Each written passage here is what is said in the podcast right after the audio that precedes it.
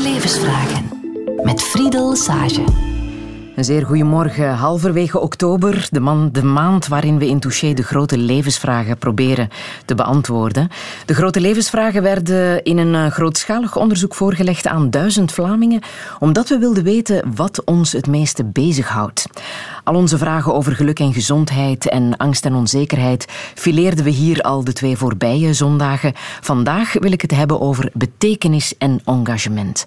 Wat is de zin van het leven? Kan ik iemand echt kennen? Hoe verwerk je het verlies van een naaste en maakt engagement je tot een beter mens? Het zijn maar een paar van de vele vragen die ik wil stellen aan het trio van deze zondag.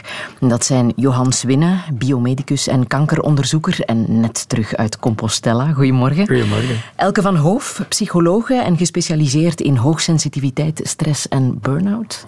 Goedemorgen. Goedemorgen. En Dirk de Wachter, psychiater en de man die ons leerde niet meer bang te zijn van onze eigen psyche. Dirk, ook goedemorgen. Goedemorgen. Nu, het project De Grote Levensvragen. Ik weet niet of jullie het een beetje hebben kunnen volgen. De resultaten ook. Jij zat natuurlijk in Compostela. Ja, ik heb het op een afstand Van op een afstand gevolgd. Ja. En Elke, heb jij een beetje kunnen volgen? Uh... Ik heb de resultaten wel een beetje kunnen volgen, aangezien Jan van Parijs van Hoegaarden is en eigenlijk ook uh, nauw voilà. betrokken was bij de resultaten. Ja. Dus dat zeker wel, ja. ja en Dirk de Wachter, blijkt toch dat, dat er een evolutie is, denk ik, hè, over hoe mensen over zichzelf praten als we het vergelijken met uh, 10, 15 jaar geleden. Er zit vooruitgang in, mag ik hopen. Volgens mij is hoe mensen over zichzelf praten een uh, weerspiegeling van de wereld. En als de wereld evolueert, evolueert dat praten ook. Ja, zeker. Ja. zeker. Maar merk je dat daar een positieve evolutie is uh, de laatste jaren? Als het gaat over bijvoorbeeld burn-out, hoogsensitiviteit. Dat zijn woorden die 10, 15 jaar geleden Wat is toch zelden te horen waren. De heeft zijn miserie en de termen veranderen. Maar de, het menselijke verdriet blijft over tijden heen uh, een, een, uitdaging, ik zal het zo verwoorden. Dus ik denk niet dat we er slechter aan toe zijn, daarom ook niet beter. Maar het, de, de inhoud van, van psychopathologie verandert en weerspiegelt de tijd, dat denk ik wel. Ja. Elke, merk jij een verbetering in hoe mensen over zichzelf praten, hoe ze naar zichzelf kijken? Ik vind dat een heel moeilijke vraag, want ik vind dat uh, heel dubbel. Lang, langs de ene kant merk ik heel duidelijk dat er veel meer bespreekbaar is, veel meer benoemd wordt. Maar langs de andere kant merk ik dat wij eigenlijk zeer slecht communiceren op dit moment. Uh -huh. En dat er weinig connectie is in, in hoe het wordt verwoord. En ik denk dat, zeker wanneer we het hebben over lijden, dat die connectie maken in uw communicatie wel heel belangrijk is. Uh -huh. Dus voor mij is dat een paradox dat enerzijds veel benoembaar is, bespreekbaar is en wordt, maar dat we eigenlijk de diepgang in de communicatie nodig om daar dan actief iets mee te gaan doen, dat dat toch wel heel erg oppervlakkig blijft. Ja. Johan Swinnen, wat is jouw ervaring? Ik denk over lijden en over verlies hebben het dikwijls moeilijk om over te spreken. Ja. Ik merk dat ook met, met die actie Post voor Compostela die we gelanceerd hebben. Mensen schrijven misschien al eens makkelijker een briefje in plaats van rechtstreeks te spreken. En dat heeft heel veel mensen geholpen, laat men mij weten. Ja, dus ook dat kan een taal zijn, de dingen neerschrijven. Ja, absoluut. Ja, ja.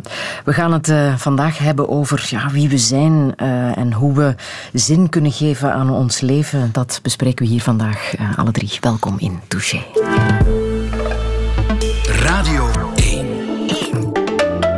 Touché. De grote levensvragen. Met Friedel Sage.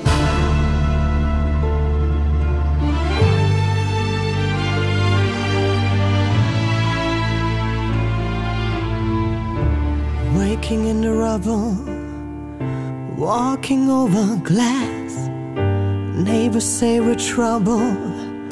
Well, that time has passed. Peering from the mirror, no, that isn't me. A stranger getting nearer. Who can this person be? You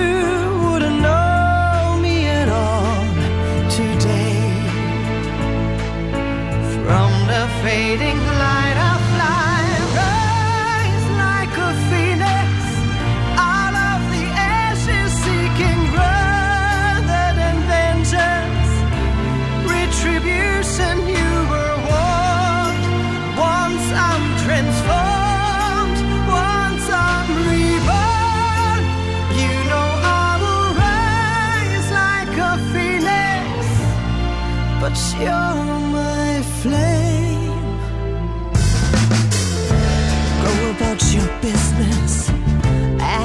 If you're free. No one could have witnessed what you did to me.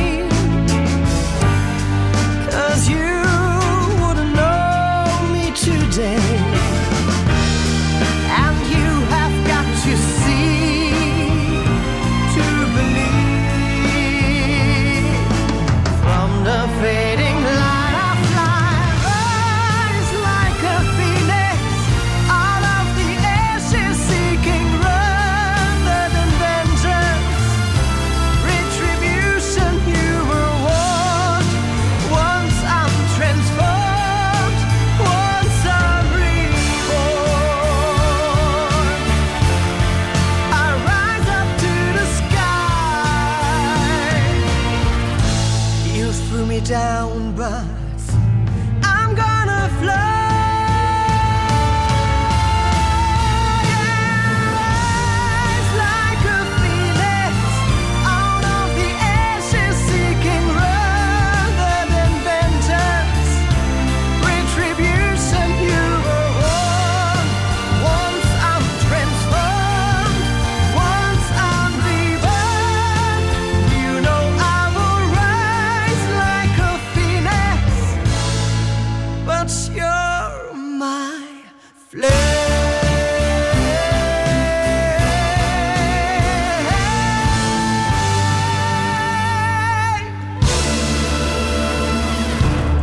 Conchita Wurst met Rise Like a Phoenix. Oostenrijk won hiermee het Eurosongfestival in 2014, weten jullie nog? Uh, Elke van Hoof, jij hebt deze plaat gekozen. Hè? Zeer benieuwd waarom precies. Inderdaad, ik vond dat uh, een plaat die mij in die periode heel veel, heel erg geraakt heeft. Ja. Ik heb zelf uh, eind 2012, 2013 een uh, zeer moeilijke periode doorgemaakt. En dan kwam, dat kwam eigenlijk net een jaar later, hè, want het uh, Songfestival is in mei. En eigenlijk, uh, als ik dat voor mijzelf zie, doorheen dat traject, uh, had ik in mei 2013 eigenlijk terug mijn vonk in mijn ogen en terug mijn piet gevonden. En dan was dat een jaar later. En dat raakte mij toen zo erg ook natuurlijk heel die context hè, van Conchita Wurst. Dat is een, een, een, een, man die daar staat als een vrouw en die zingt over posttraumatische groei eigenlijk. Hè. Hoe je kunt jezelf heruitvinden uh, in, soms het ergste lijden. Ja, ik vind dat een, nog altijd een zeer mooie plaat. Ja, en heel krachtig ook, hè, om daar op een podium te gaan staan. Ja. Gekleed als vrouw, maar nog steeds ja. met een baard. Met een baard, dus toch duidelijk die dubbelheid tonen. Ja, ik vond dat heel sterk. En ik ja. denk dat heel veel mensen... Allee, het is een, een een, tekst dat, dat voor mij ook het rouwproces uh, mooi beschrijft om te komen tot die posttraumatische groei. Hè. Dat vechten zit daar duidelijk in. Hè. Ja. Die kwaadheid van ik zal het wel halen en je gaat mij zien. En, en dan toch op het einde vooral die aanvaarding met ja, ik ben gewoon iemand nieuw. Ja. Dirk de Wachter, heb jij die uh, figuur gevolgd, Conchita Wurst? Ja, een beetje zoals iedereen. Maar ja. ik heb door toeval van het lot nogal wat ervaring met transgenderproblematiek. Ik heb Mhm. mm -hmm. nogal wat families gevolgd en koppels gevolgd die daarmee te maken hadden. Dus dat is iets, wel iets van deze tijd, hè, doordat ja. de techniek het toelaat om, om daarin variatie te brengen, is dat een bijzonder interessant thema om na te denken over identiteit. Wie ben ik? Wat is de maakbare mens? Enzovoort. Dus ja. wat dat betreft is dat nu de meeste mensen met die problematiek kunnen niet zo heroïs bestaan als Conchita Wurst, maar uh, zitten toch wel worstelend in de duisternis, hoor. Laten we dat ook niet idealiseren. Ja, en het is absoluut ja, een van de belangrijkste vragen in ons leven. Hè. Wie ben Wie ik? Ben ik? Kunnen ja, wij zeker. onszelf wel echt kennen? Ja, en het, het geslacht is zo een van die laatste vaste punten die daarin speelden. Zo'n man en een vrouw, dat was nog iets zeker. En dat blijkt nu ook op de helling te komen. Dus het zijn boeiende tijden eigenlijk. Ja. De zin van het leven zit hier natuurlijk ook wel in. Hè. Ik kan mij voorstellen dat uh, Conchita Wurst dat dat voor haar of hem uh, een betekenis is om daar op dat podium te durven staan en te spreken voor uh, ja, een hele schare mensen die hetzelfde doormaken. Ja, en gewoon uzelf zijn Mhm. mm -hmm. in, al, in alle facetten. Ja. Ik denk dat dat uh, heel belangrijk is en dat was eigenlijk ook wel een punt hè, waarom dat ik die plaat heb gekozen. Ik merk dat heel veel mensen daar toch wel mee worstelen. Eén, met hun plaats te vinden en twee, met gewoon ja, zichzelf te zijn. Mhm. En dat, dat dat vaak wel wat worsteling meebrengt. Ja. Kunnen jullie zeggen wat de zin is van jullie leven, Johan Swinnen? voor mij is dat heel duidelijk. Denk ik. ik heb al redelijk vroeg in mijn leven de zin van mijn leven ontdekt. Ehm, toen ik elf jaar was, uh, had ik een heel goede vriend. En ik ging er elke dag samen mee naar school. En op een gegeven moment is die zijn tante en later ook zijn moeder gestorven van kanker. En dat is, dat is mij altijd bijgebleven. En achteraf bekeken heb ik waarschijnlijk op dat moment ergens gezegd van kijk, dat wil ik doen met mijn leven. Ik kan dit niet laten gebeuren, dat elke dag zoveel mensen sterven van kanker. Daar wil ik mijn roeping van maken. Heb ik ook effectief zo gedaan en ook volgehouden. Je maakte als kind zelfs al medicijnen hè, tegen Ja, absoluut. Wij woonden in een, een mooi huis met een tuintje, een weide daarnaast. En ik plukte daar kruiden. En ik maakte daar zelf extractjes van. En ja, nieuwe kankermiddelen. Heel naïef op, die leeftijd. Maar op dit moment alles behalve naïef. Hè? Je bent, uh... Ja, ik heb nu mijn eigen onderzoekslaboratorium. Ik ben ook uh, voorzitter van het departement Oncologie aan de KU Leuven, waar toch een 350-tal mensen, onder mensen werken, ondervoorzitter van het Leuvens Kankerinstituut. Uh dus wel heel actief bezig in het kankeronderzoek. Zeer actief. Je werkt gewoon dag en nacht, Johan. Ja, en ook, ja absoluut. En ook mijn hobby's uh, is eigenlijk... Mijn enige hobby is lopen en ik loop gewoonlijk voor het goede doel. Dus ik ben dag in, dag uit met kanker bezig. Ja, die verantwoordelijkheid geeft een extra betekenis aan jouw leven? Ja, absoluut. Dat is toch wel, toch wel een missie die ik hier, hier gevonden heb. En, en inderdaad een belangrijke verantwoordelijkheid. Zo voel ik dat wel, ja. ja. Elke van Hoof, kan jij zeggen wat de echte zin van jouw leven is? Ik heb ook wel een beetje zo'n roeping, zoals Johan hier uh, net vertelt.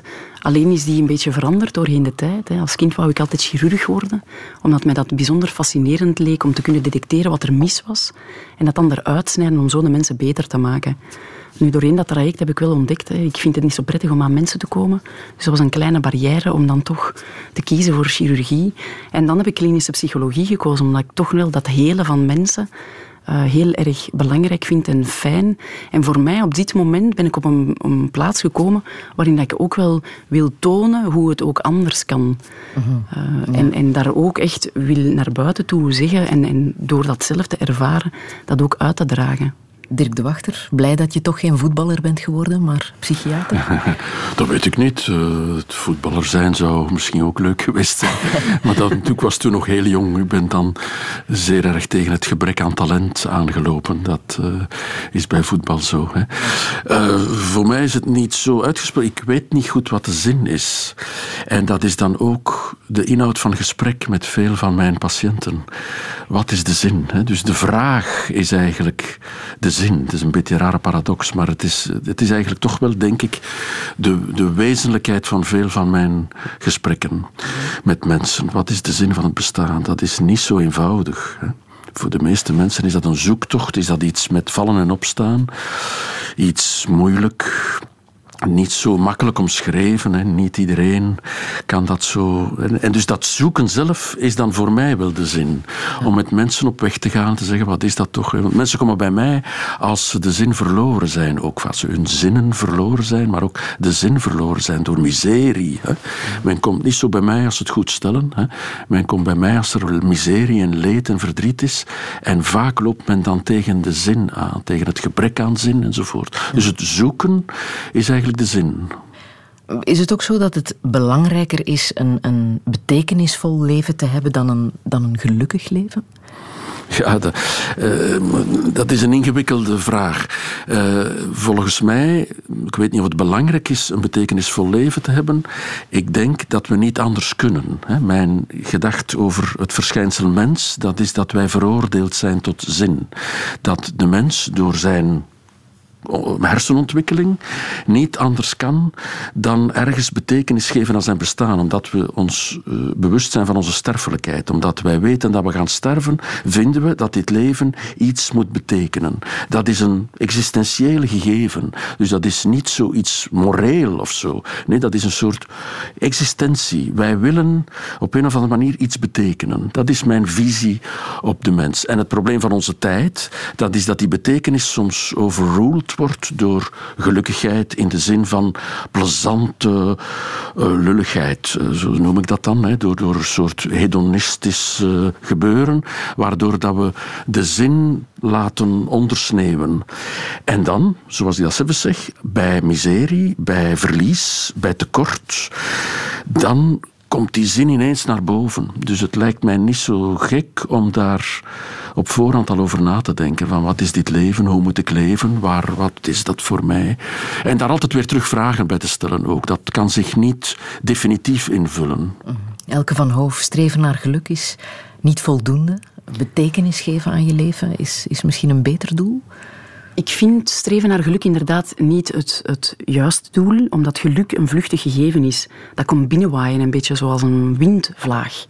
En wat belangrijk is, is dat je uh, ja, moet zoeken, zoals, zoals Dirk ook zegt, en dat je daar ergens een soort van tevredenheid gaat ontwikkelen over de stappen in dat proces.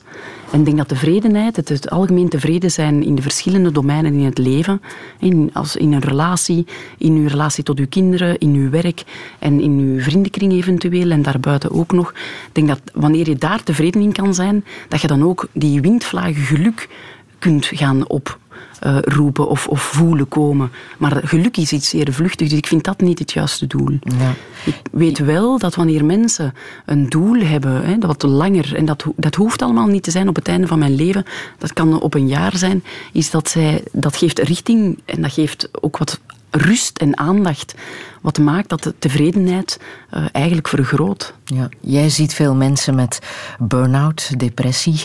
Kan zelfs een burn-out of een depressie uh, ja, je een beter doel geven, uh, nuttig zijn, zinvol zijn in het leven? Ik denk dat we die twee dan moeten uit elkaar trekken, maar bij burn-out is dat zeker zo. Hè. Mensen zijn zo vastgereden in een moeras uh, dat ze in die context van oppervlakkigheid waarin dat we nu leven, hè, dat, dat, dat, dat, geluk, en we moeten altijd gelukkig zijn, we moeten mooi zijn en sexy zijn en het moet allemaal goed lopen. Uh, ik denk dat mensen zich daarin verliezen en dat vaak een burn-out een opportuniteit is om jezelf terug heruit te vinden. Het is een zeer, zeer moeilijk en pijnlijk proces voor de meeste mensen. Uh, bij depressie, bij angststoornissen, bij trauma is er natuurlijk een ander element. Zeker bij trauma, omdat er vaak een traumatische gebeurtenis aan vooraf gaat. Uh, maar bij burn-out is het zeker die posttraumatische groei. En ik denk dat het gelijk loopt in alle uh, problemen. Dat hoeft niet noodzakelijk psychopathologie te zijn, maar in alle problemen, de barrières die we tegenkomen in het leven, dat het belangrijk is om te kijken wat kan ik hieruit halen. Wat is het? Hè, Hans Seile zei dat al als een van de belangrijke onderzoekers. Het is belangrijk om het nut voor uzelf en voor anderen te detecteren. En ondertussen weten we uit onderzoek dat als je dat kunt, als je daar een doel kunt uit distilleren, dat die toxiciteit van die, van die die angst en van die stress eigenlijk vermindert. Mhm. Dus we kunnen daar toch echt zien dat dat, dat dat nuttig is, dat proces doorgaan. Ja. Uh, ja. Johan, jij uh, straalt volgens mij alleen maar kracht en energie uit, maar is het ooit anders geweest? Uh, ben jij ook wel door een dal gegaan? Ja, ik ben een paar keer ook wel door een dal gegaan natuurlijk. Als, als mijn papa gestorven is van kanker, ik was zelf kankeronderzoeker. Uh, ik was op dat moment uh, heel intensief bezig met prostaatkanker. En op een dag krijg je te horen dat, dat mijn vader prostaatkanker heeft. En, en ja, dat is, dat, is, dat is heel moeilijk natuurlijk. Je bent dag in dag uit met die ziekte bezig, komt dan plots zo dichtbij en er is weinig wat je kan doen. Mhm. En dan twee jaar later wordt mijn zoon ziek. Hè. Mijn jongste zoon Pieter was toen 13 jaar, er werd bij hem een hersentumor vastgesteld al in een heel ver gevorderd stadium. En zijn prognose was bijzonder slecht. En als je, als je zoiets hoort, dan, dan stort je wereld natuurlijk in. Ik had al heel lang mijn doel gesteld van, van kijk, ik wil mij inzetten in die strijd tegen kanker. Maar dan, tot dan toe was die ziekte voor, voor, voor een stuk voor mij een ziekte in een proefbuis. Maar dan krijgt die ziekte een gezicht en krijgt een naam en, en, en die ziekte zit in je gezin. En dan maakt dat verhaal wel helemaal anders. En dan ga je toch wel even door, door een hele moeilijke fase, moet ik zeggen. Maar heeft het jou toch sterker gemaakt? Jou nog gemotiveerder ja, gemaakt? Ja, absoluut. Hij heeft mij gezegd van, kijk, waar we hiermee bezig zijn, dag in, dag uit, is wel echt heel belangrijk. Dit, dit doet mij nu nog elke dag inzien van, van kijk, dit, dit geeft zin aan mijn leven. Waar, waar ik hiermee bezig ben, kan ik eigenlijk heel veel mensen mee helpen.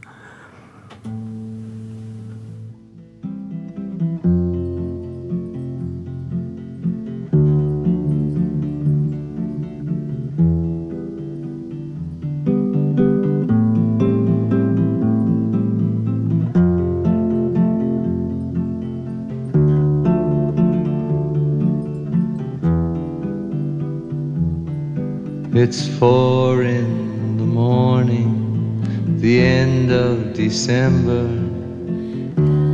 I'm writing you now just to see if you're better. New York is cold, but I like where I'm living. There's music on Clinton Street all through the evening. I hear that you're building your little house deep in the desert. You're living for nothing now. I hope you're keeping some kind of record. Yes, and Jane came by with a lock of your hair. She said that you gave it to her that night that you planned to go clear.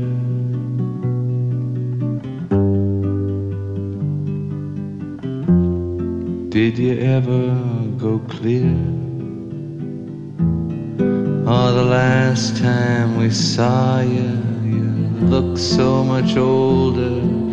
Your famous blue raincoat was torn at the shoulder. You'd been to the station to meet every train then. You came home without Lily Marlene, and you treated my woman to a flake of your life. She came back, she was nobody's wife.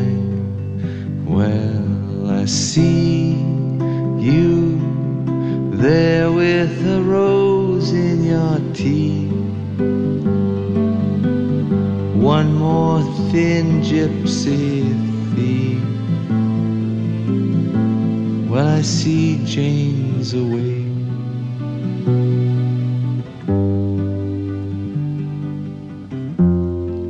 Sends her regards.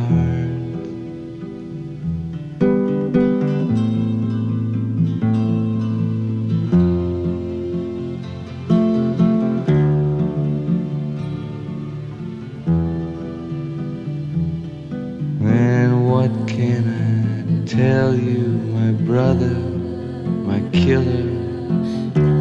What can I possibly say? I guess that I miss you. I guess I forgive you. I'm glad you stood in my way. If you ever come by here for Jane or for me, well, your enemy is sleeping woman is free. Yes, and thanks for the trouble you took from her eyes. I thought it was there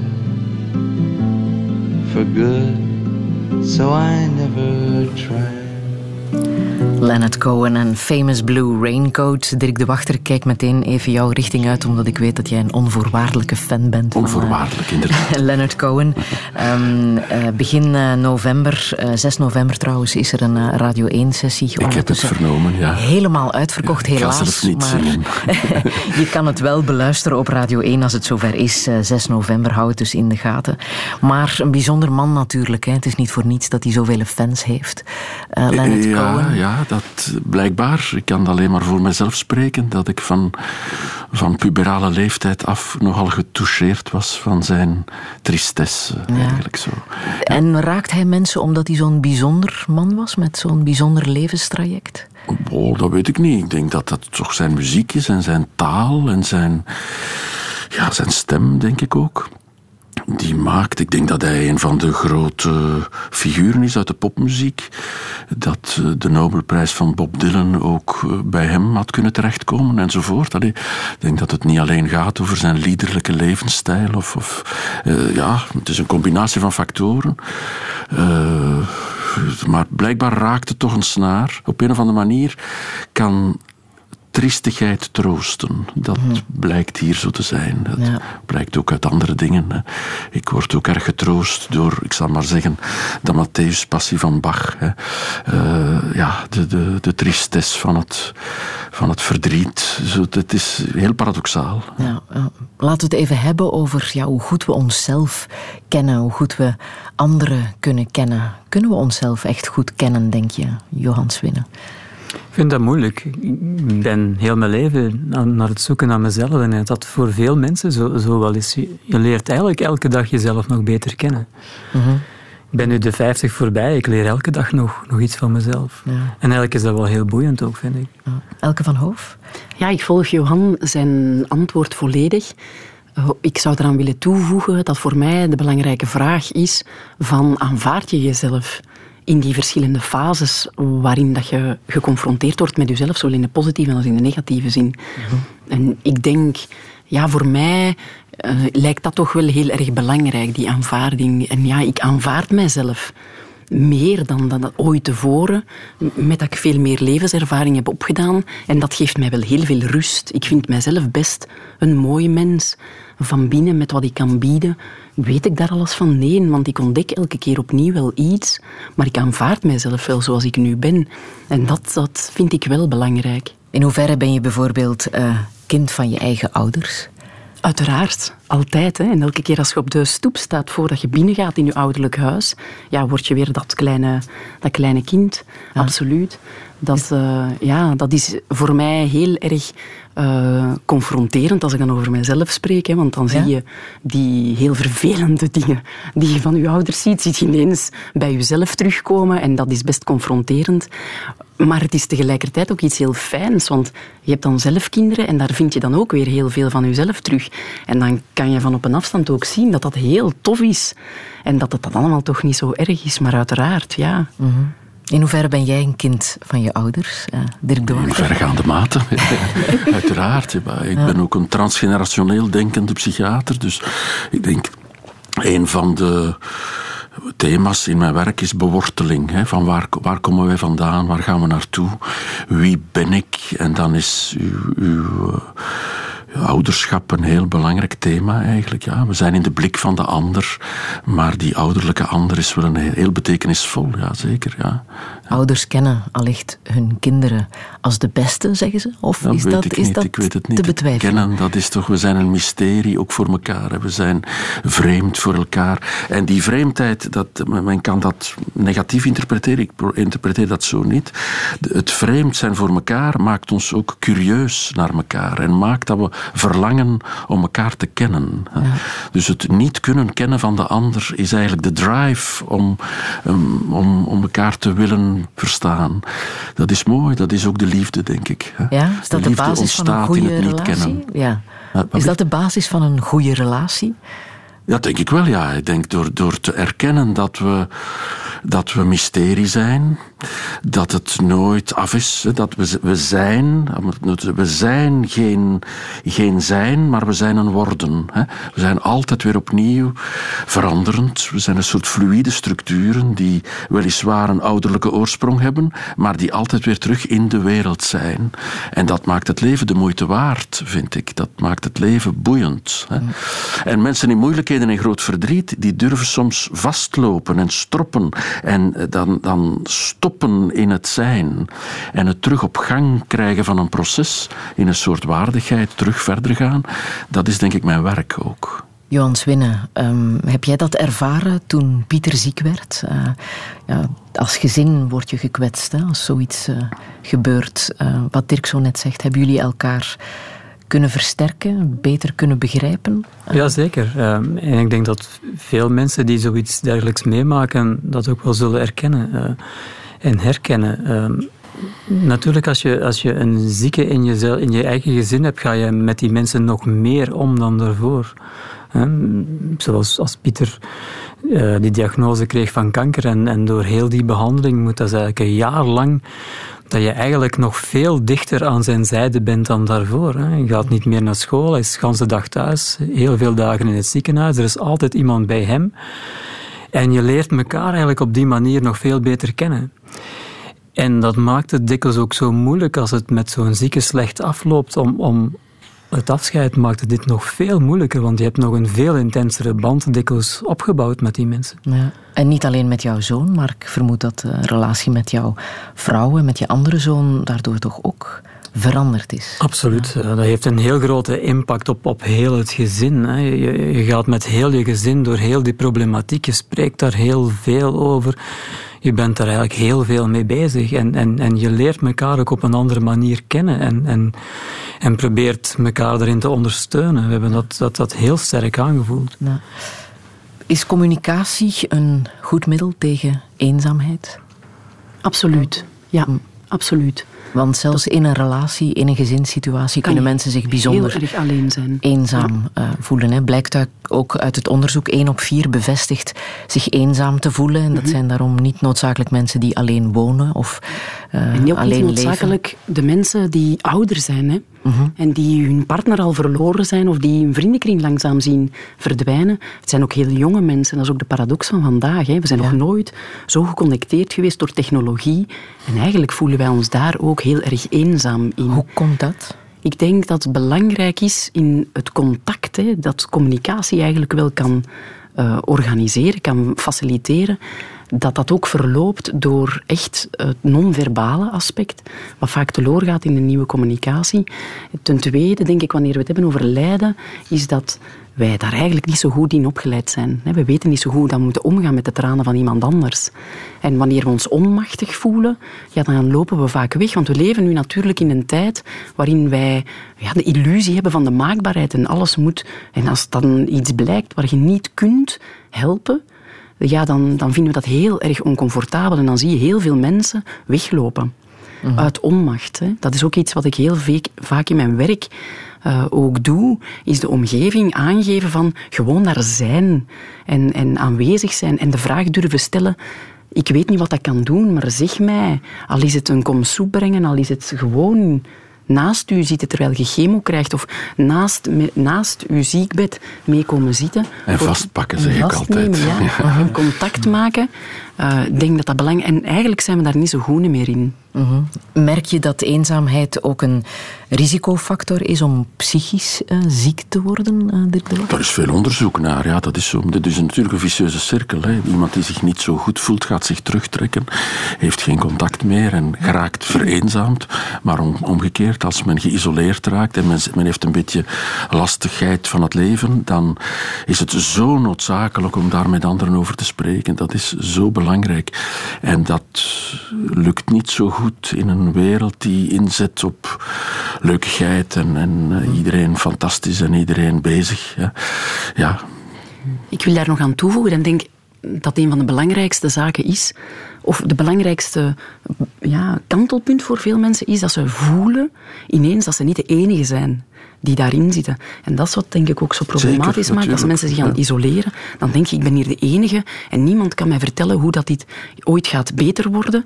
En ik denk dat het een belangrijk kantelpunt is, en ik weet niet of dat voor u ook zo was, Johan, maar dat je merkt dat je daar niet alleen in staat. En vandaar dat ik altijd mensen oproep om wel samen te staan. Ja. Hoe detecteer je de eenzaamheid van een ander? Uh, want het is natuurlijk niet altijd zichtbaar hè, of iemand zich echt eenzaam voelt. Absoluut. En ik denk vandaag de dag nog veel minder. Hè, want wij gaan vooral veel emojis versturen. Uh, waar ons hele leven op Facebook zetten. Ja, dat betekent Facebook niks. is allemaal smile. Maar uh, dat kan heel grijs zijn achter die smile. En wij zijn er, het is wat ik zeg, we zijn eigenlijk heel slecht opgevoed, opgetraind om dat bij elkaar te detecteren. Elkaar zien, hè, dat is eigenlijk de methode. Niet alleen een sms'je sturen, hoe is het, maar elkaar ook zien, afspreken, elkaar in de ogen kijken. En zien als iemand zegt, hoe is het, goed. Zien dat de tranen in zijn ogen opwellen bij dat goed. En zeggen van, ja maar hé, hey, wat is er aan de hand? Mhm. Dat in elkaar zien, ik denk, ontmoeting is eigenlijk essentieel. Ja. Johan Swinnen, heb jij dat zo ervaren, dat de ontmoeting uh, troostend uh, werkt? Ja, we hebben in de eerste plaats ook ervaren, zoals hier net wordt gezegd, van, van als, als wij die boodschap krijgen van, van Pieter is ernstig ziek, er zijn mensen die ons gemeden hebben een tijd lang. En dat is zeker niet slecht bedoeld voor die mensen, want mensen weten heel moeilijk wat zeggen. En eigenlijk hoeven ze ook niet veel te zeggen. Ik denk soms, soms een luisterend oor en een beetje begrip is, is meer dan voldoende. Maar mensen hebben ons ooit ontweken daarvoor. Mm Dus dat hebben wij wel heel sterk ervaren. Een um, volgende stap voor, voor mensen die uh, zich heel eenzaam voelen, uh, blijkt ook uit het onderzoek, is vaak ook de zelfmoordgedachten. Hè. Blijkt dat uh, 1 op 4 ook bevestigt, echt al ernstig overwogen heeft om uit het leven te stappen. Wat merken jullie uh, wat de, de oorzaken zijn van, van die gedachten? Uh, Elke van Hoof? Ik denk dat uitzichtloosheid heel erg belangrijk is. En, en het tweede, wat we daar juist al zeiden, het, het gevoel van daar alleen in te staan. En niet meer een maatje te kunnen vinden om, om daar samen uit te komen. En, maar ook de uit, je ziet niet meer achter de berg wat dat er daar nog kan zijn. Mhm. We weten ook uit onderzoek dat wanneer mensen daar, dat die hersenen geen coherent verhaal meer kunnen maken. En wij hebben zo'n coherent verhaal nodig om focus en richting te geven aan wat we doen. En dat is natuurlijk een zeer beklijvende situatie.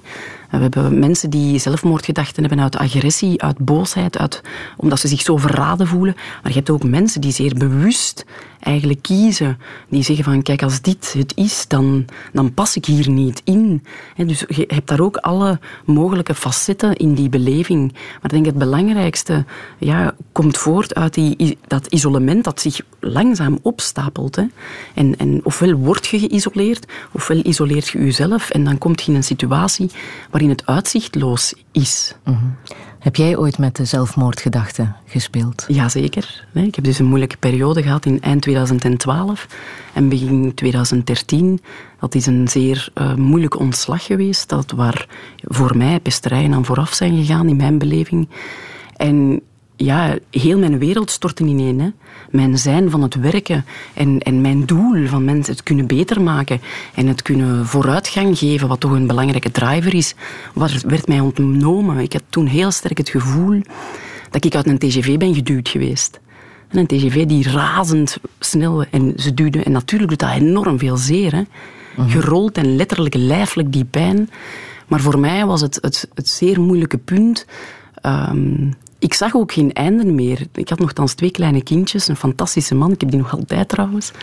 Maar ik, ik, was dood van binnen. En dan is de stap heel, heel klein om te zeggen, want je bent al dood. Om dan te zeggen, ik moet eigenlijk alleen nog maar op of duwen. En je hebt dus ook echt plannen gemaakt? Ik heb ook echt plannen gemaakt. Ik ben ook echt in de fase gekomen waarin ik bewust ging kijken hoe dat kon. En ergens in dat proces heb ik ook wel gedacht van ik heb kleine kindjes God bewaar me dat die ooit naar de psycholoog zouden moeten gaan om daar te gaan zeggen, mijn mama zag mij niet graag. Dus ik ben gaan kijken hoe kun dat eigenlijk voorkomen. En ik ben beginnen dekentje maken met hun babykleedjes. Met een vlies. Um, om hun te tonen dat ze iets tastbaar hadden voor de warmte die ik wel had voor mijn kinderen. Dat is altijd gebleven. Maar, ik, ik maar echt met de gedachte, als ik er niet meer ben, dan ze hebben ze hebben voor warm. En dat is nu nog altijd een van hun lievelingsdekentjes. Ze weten natuurlijk niet het verhaal dat daarachter zit. Uh, maar ze, dat er hangen ze heel sterk aan. Ja. Ik voel ook erg in mijn hoofd ik, ondanks dat ik expert ben, dat, dat al hetgeen dat ik deed, wat ik jaren tegen mijn patiënt, dat hielp niet meer. Ik deed dat wel, maar dat gaf mij niks. Het was alsof dat mijn hersenen, hè, zoals een boiler die vroeger in, in, de, in, de, in de badkamer stonden, dat, die vlam was weg. En ik duwde daarop en die, dat kwam niet terug. En dan, ja, het kantelpunt is er geweest. Uh, waar het echt actief werd, is op het moment dat ik een, een argumentatie kreeg voor mijn ontslag. Dat was een acht bladzijden lange brief, die aangetekend verstuurd werd natuurlijk. Hè. En als ik die brief had gelezen, dan was ik zo in shock van het, de, de persoon die daarin beschreven stond, dat ik echt dacht van als ik dit ben, ja, dan, dan hebben ze gelijk om mij uit de TGV te duwen, maar dan heb ik eigenlijk geen enkel recht van bestaan. En dat is een zeer, zeer cruciaal moment geweest. En ik ben die dag, ja, want ik had zelf naar mijn man gebeld, maar door omstandigheden kon hij niet opnemen. En die dag ja, was een zeer, uh, ja, ging het eigenlijk echt wel gebeuren. En ik heb op een ja, heel erg onbewust uh, ik was opgebeld en heel erg onbewust had ik de telefoon opgenomen en dan had ik daarin iemand aan de lijn. Ik denk niet dat zij tot op de dag van vandaag weet dat ze misschien wel mijn leven heeft gered. want je weet natuurlijk nooit of ik het werkelijk had gedaan. Maar ja, ik heb er heel erg diep in gezeten. En hoe ben je uit de spiraal geraakt? Door te blijven doen uh, wat ik weet dat goed is. Hè, wat wij kennen uit onderzoek. Door act uzelf activeren. Door structuur te brengen in je leven. Door zinvolle besteding te gaan doen. Hè. Uh, door, door kleine projectjes te gaan werken. Ik heb onze trap, uh, de lak eruit gehaald, dan er terug op. En dan bleek die lak te donker zijn met een man. Dat is te donker. Heb ik dat er terug afgehaald met zo'n krabberke. ik ben blijven actief zijn. Maar die knets kwam niet terug in mijn hoofd. Ik ben ook gaan sporten, gaan wandelen naar de natuur, al hetgeen. En op een gegeven moment, dus in mei, ben ik wakker geworden in mijn bed en mijn ogen gingen open en ineens was die knits. En dan natuurlijk ben ik wetende, uh, ben ik in volle actie teruggeschoten en dan, dan ben ik in rassenschreden daaruit gekomen. En ik ben zeer dankbaar om die ervaring, omdat ik ervan overtuigd ben dat ik nu veel beter weet wat het is om daarin te zitten. En ik kan nu... En mensen geven mij graag, als ik een lezing krijg, vaak het compliment van... Jij weet exact wat ik voel. En ik denk ja, dat dat daar ook geholpen heeft. Maar ik weet nu ook dat je die vonk in dat hoofd moet terug kunnen activeren. En daar richt ik mij dan nu wel naar.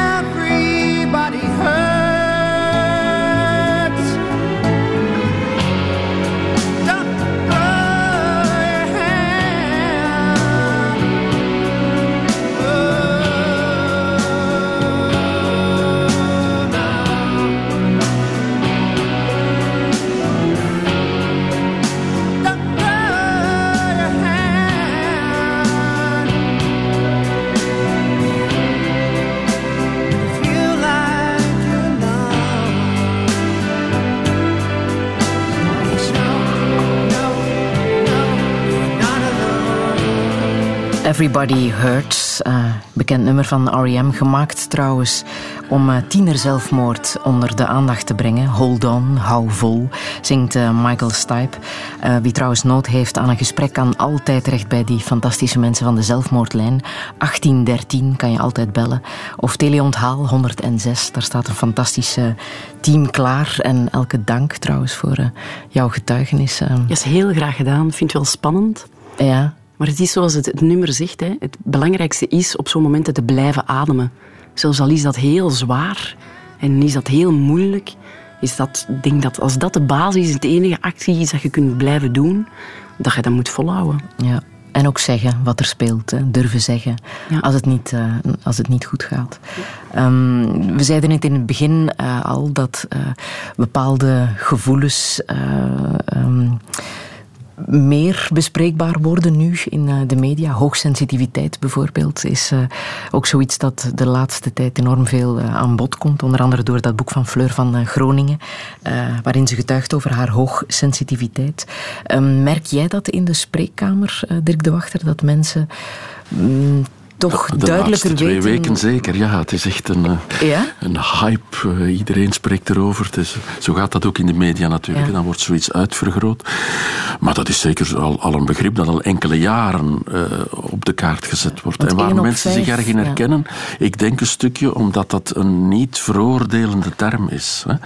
Dat mensen psychopathologische termen heel vaak als als stigmatiserend bekijken, als veroordelend, als beschuldigend. Hè. Men zal maar hysterisch genoemd worden, bijvoorbeeld, hè, of, of depressief of borderline of zo. Hè. En dit is een tot hiertoe althans niet veroordelende term. Het lijkt mij zelfs, wat mij betreft, een eerder positieve term. Ik zeg dan van, wees maar goed gevoelig. Hè. Ja. Lijkt mij goed in deze wereld. Ja. Het ongevoelige lijkt mij eerder een probleem. Hè. Maar daar komen mensen niet voor bij mij. Ze zeggen nooit van, goh, ik trek mij niet te veel aan. Kun je daar niks aan doen. Hè. Dus uh, ongevoeligheid lijkt mij eerder een probleem in een wereld die, die toch moet aandacht hebben voor, voor verdriet en zo. Eén op vijf blijkt hoogsensitief te zijn. Wat zijn, wat zijn de kenmerken, uh, Elke van Hoof? Dus we hebben enerzijds de overgevoeligheid, waar Dirk over spreekt, waar vaak ook psychopathologie aan, aan verbonden is. De hoogsensitiviteit is een persoonlijkheidskenmerk en heeft eigenlijk niks met stoornissen te maken. Hoe onderscheidt zich dat? Dat eigenlijk zijn die mensen zeer goed in sensitief zijn. En sensitief gaat over een, een, natuurlijk iets dat wij allemaal hebben. Dat gaat over de vaardigheid om meer of minder informatie uit onze omgeving te halen. En daar zien we duidelijk dat er mensen zijn die weinig kunnen en mensen met, die veel kunnen. En ze onderscheiden zich dus door veel informatie uit de context te halen en die diepgaand te verwerken. Niet iedereen met hoogsensitiviteit is overgevoelig.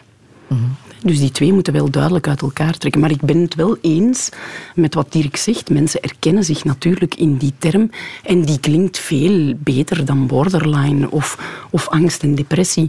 Ja, wat kan je doen om dat zo goed mogelijk uh, op te vangen? Een remedie is, is een fout woord, denk ik, in deze. Maar door mensen je... gerust te stellen dat, ja. het, uh, dat het ook goede talenten kunnen zijn en door ze ergens in hun kracht te zetten. Dat ja. is wat ik ook met psychopathologische dingen doe, natuurlijk. Hè. Maar laten we dit niet problematiseren. Een beetje mijn, mijn angst dat is dat dat weer opnieuw dan een soort categorie wordt die moet behandeld worden. Hè. Terwijl ik heel erg pleit voor een brede invulling van de normaliteit. Hè. Ja, maar... Laten we maar verschillend zijn op, op alle gebied. Hè. En het is dat verschil wat, wat de wereld boeiend maakt. Ja. En ik vind gevoeligheid een groot, een groot talent ook. Ja, maar hoe kunnen we in deze wereld waar ontzettend veel prikkels op ons afkomen, meer dan vroeger, toch uh, rust vinden? Dat moet iedereen op andere manieren doen, maar door bijvoorbeeld, zeg ik dan aan jonge mensen, zet af en toe smartphone eens uit, laat hem thuis en ga eens wandelen. Hè. Ik, ik, wat dat betreft pleit ik altijd voor wat ik noem gewonigheid. Hè. Ik denk niet dat we moeten uh, uh, altijd naar de Cayman-eilanden trekken om, om, om, rust te vinden, dat het gewoon in uw hof kan zijn ook. Hè. Dus ik, ik pleit voor het lanceren van bongobonnen om thuis in de tuin te zitten. Bij wijze van spreken. Welke van Hoof, wat raad jij mensen aan? Ja, ik volg eigenlijk daar wel, wel in. Uh, maar ik raad mensen aan om een goed doel vast te pinnen voor zichzelf. Al is het maar voor de dag, voor de week of de maand of het jaar. En daar de focus op te houden. En niet al die verleidingen en afleidingen. Want natuurlijk, die smartphones die zitten vol verlokkingen. Er zit een hele wetenschap achter om u steeds opnieuw daar naartoe te brengen. En goed voor uzelf zorgen. Goede zelfzorg, de nachtrust, hè, we hebben het er nog niet over gehad, maar slaap is wel essentieel voor een mens om goed te kunnen functioneren. Voeding hè, is essentieel voor een mens om goed te kunnen functioneren. Water drinken is een van de essentiële dingen. Dus ik denk dat we daar ook nog een hele waaier hebben. En voor mij heel erg belangrijk is één, de natuur, wat dat Dirk zei, maar twee is gewoon samen zijn met mensen. Ik ben niet zo'n babbelaar, dat klinkt misschien raar dat ik nu aan het woord ben, maar thuis ben ik eerder stil. Maar dan neemt niet weg dat ik enorm houd van die veel bij mensen te zijn.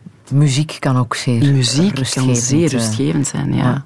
muziek bijvoorbeeld van uh, Ludovico Einaudi. Ik weet niet of je die kent, de Italiaanse pianist. Um, toch een stukje laten horen. Ja.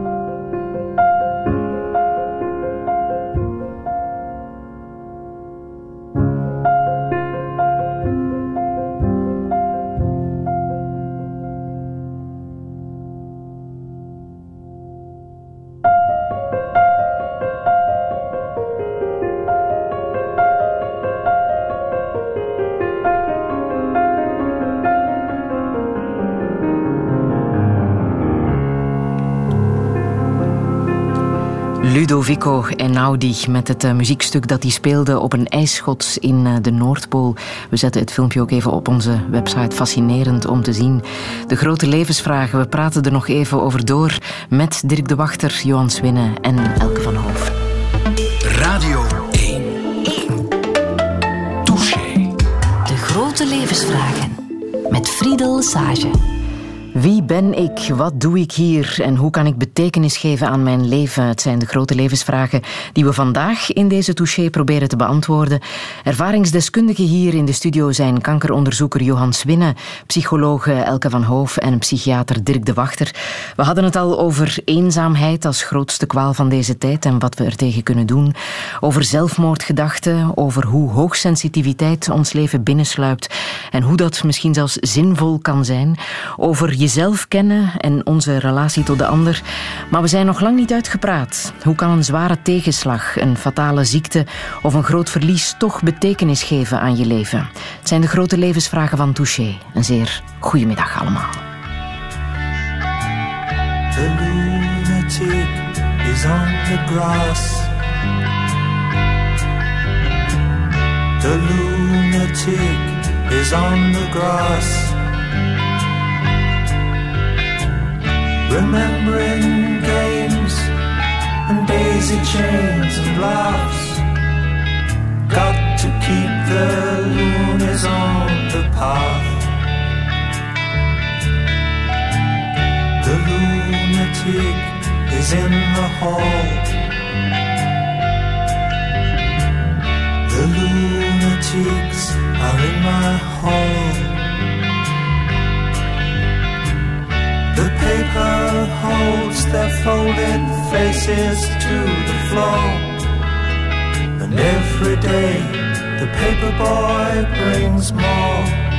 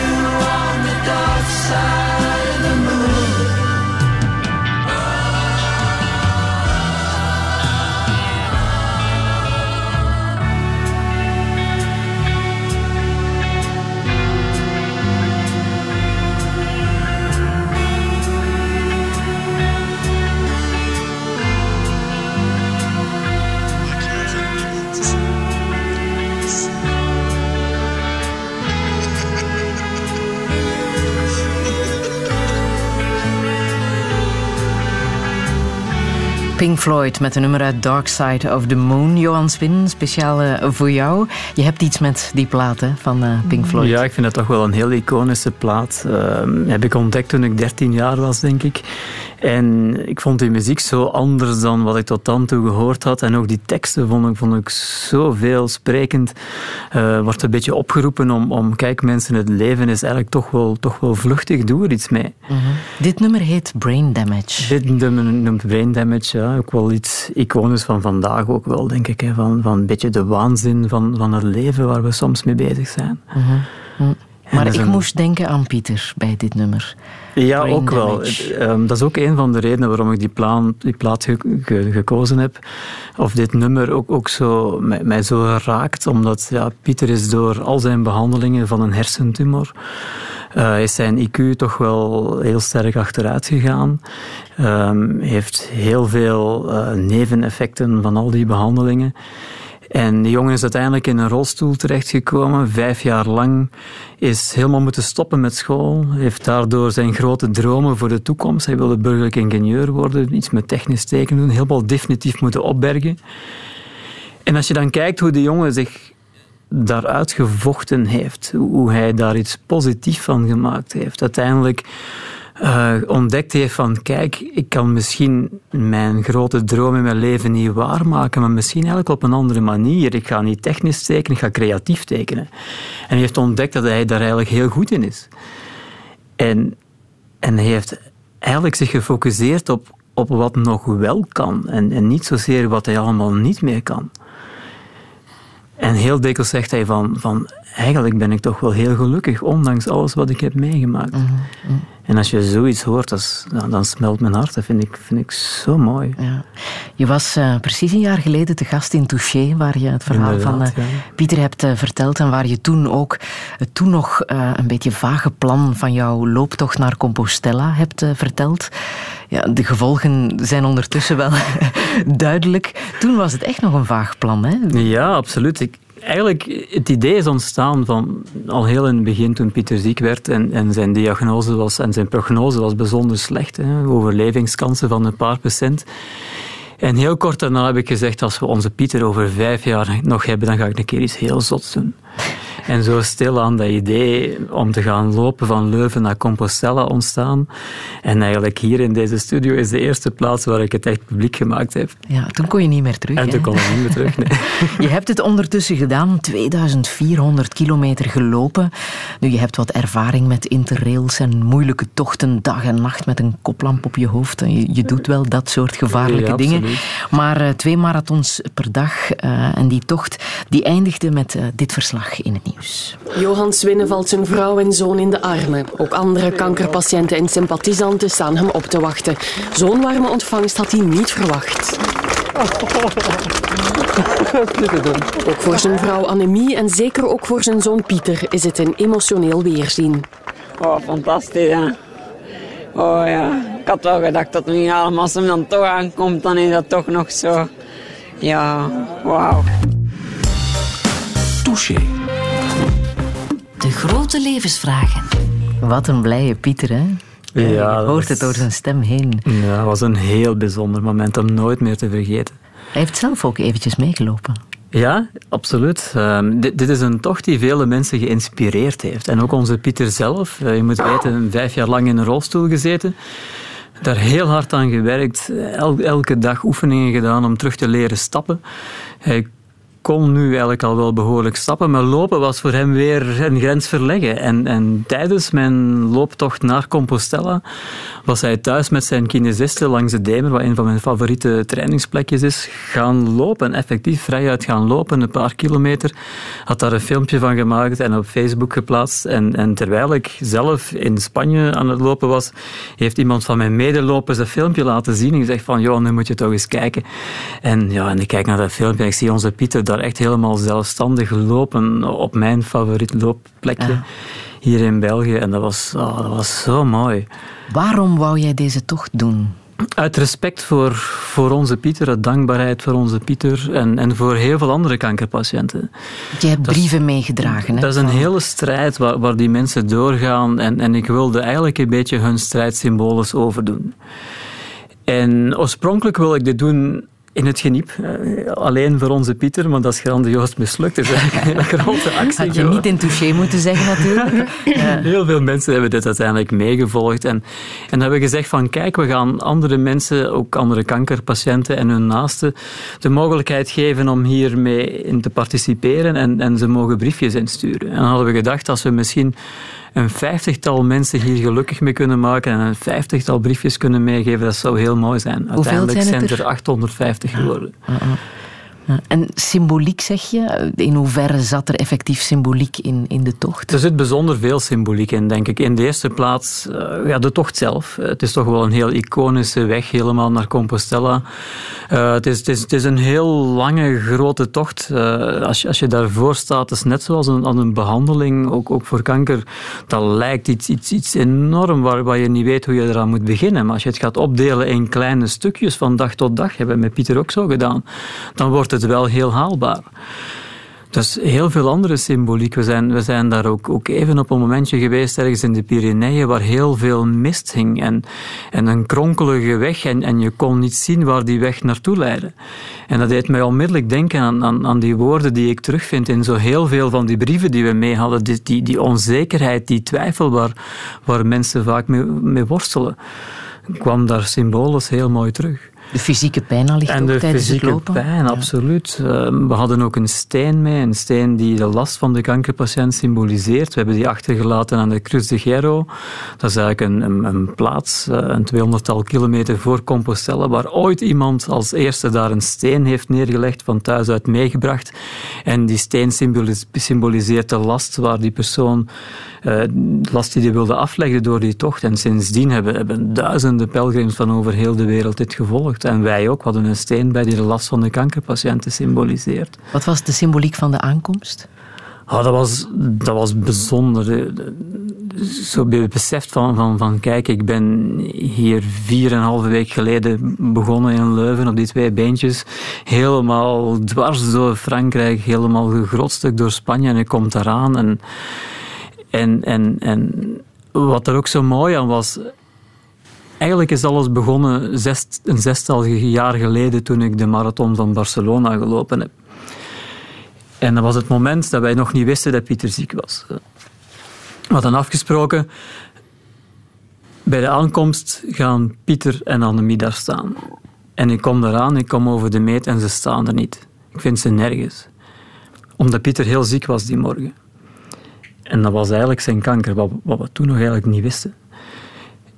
En nu kom ik daaraan in Compostela, vijf, zes jaar later, en nu staan ze daar wel. En Pieter heeft eigenlijk zijn ziekte grotendeels overwonnen. En dat vond ik daar symbolisch zo mooi aan. Mhm. Je hebt nog een zoon, hè? Ja, onze Stijn. Hoe gaat hij ermee om? Hij gaat er heel positief mee om. Ook. Hij heeft het ook van heel nabij meebeleefd. Hij is twee keer een stukje komen meelopen, ook in Frankrijk. Um, hem heeft het ook geïnspireerd. Hij is, hij is uh, geneeskunde gaan studeren. Uh, ja, voor een groot stuk door, door wat er zijn broertje is overkomen. Ja. Op welke manier heeft het jou veranderd, deze tocht, wat jullie hebben doorgemaakt? De, de tocht van de ziekte zeg maar, van, van onze Pieter heeft, heeft ons heel sterk veranderd. Het heeft ons veel sterker gemaakt als gezin. Het heeft nog veel meer betekenis gegeven aan, aan mijn leven. Um, ook heel die tocht naar, naar Compostela heeft ons veranderd, toch ook wel een stukje, denk ik. -hmm. het, het, heeft het ons feit, ergens ja. gezegd van, van kijk, als, als je echt wil, dan kan je toch wel heel veel bereiken. Mm. En het feit dat je dit verhaal met ons deelt, hè, ondertussen volgt iedereen jou, uh, geeft dat ook een meerwaarde? Ja, ik denk het wel. Um, ik, ik, ben blij uiteindelijk dat ik dit niet voor mezelf gehouden heb. Als je nu kijkt naar de reacties die we krijgen van mensen, en dat zijn echt duizenden reacties, mensen die zeggen van kijk, dit heeft ons ook geïnspireerd, dit heeft ons een hart onder de riem gestoken. En ik vind dat je zoiets kan bereiken met, met zulke actie, dat is wel heel mooi.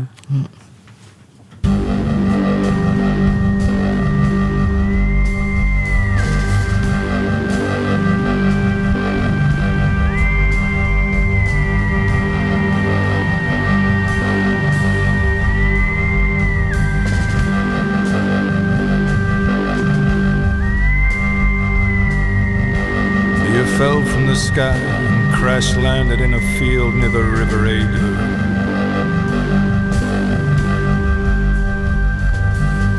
Flowers sprang from the ground, lambs burst from the wombs of their mothers.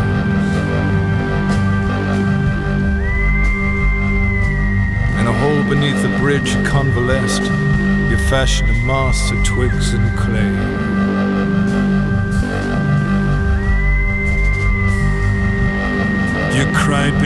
Dripping trees, a ghost song lodged in the throat of a mermaid.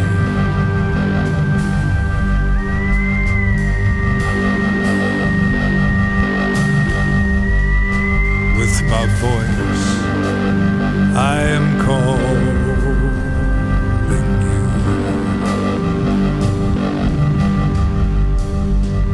you. You're a young man waking covered in blood that is not yours.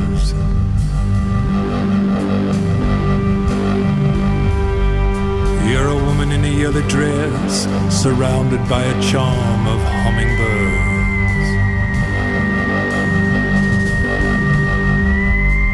You're a young girl full of forbidden energy, flickering in the gloom.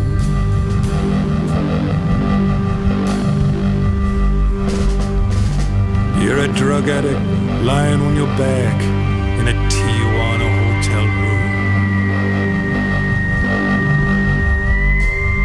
my voice. I am calling you. With my voice, I am calling you.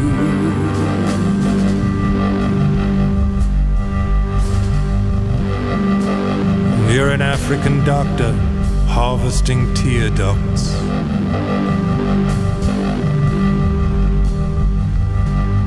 You believe in God, but you get no special dispensation for this belief now. You're an old man sitting by the fire. You're the mist rolling off the sea. You're a distant memory in the mind of your creator,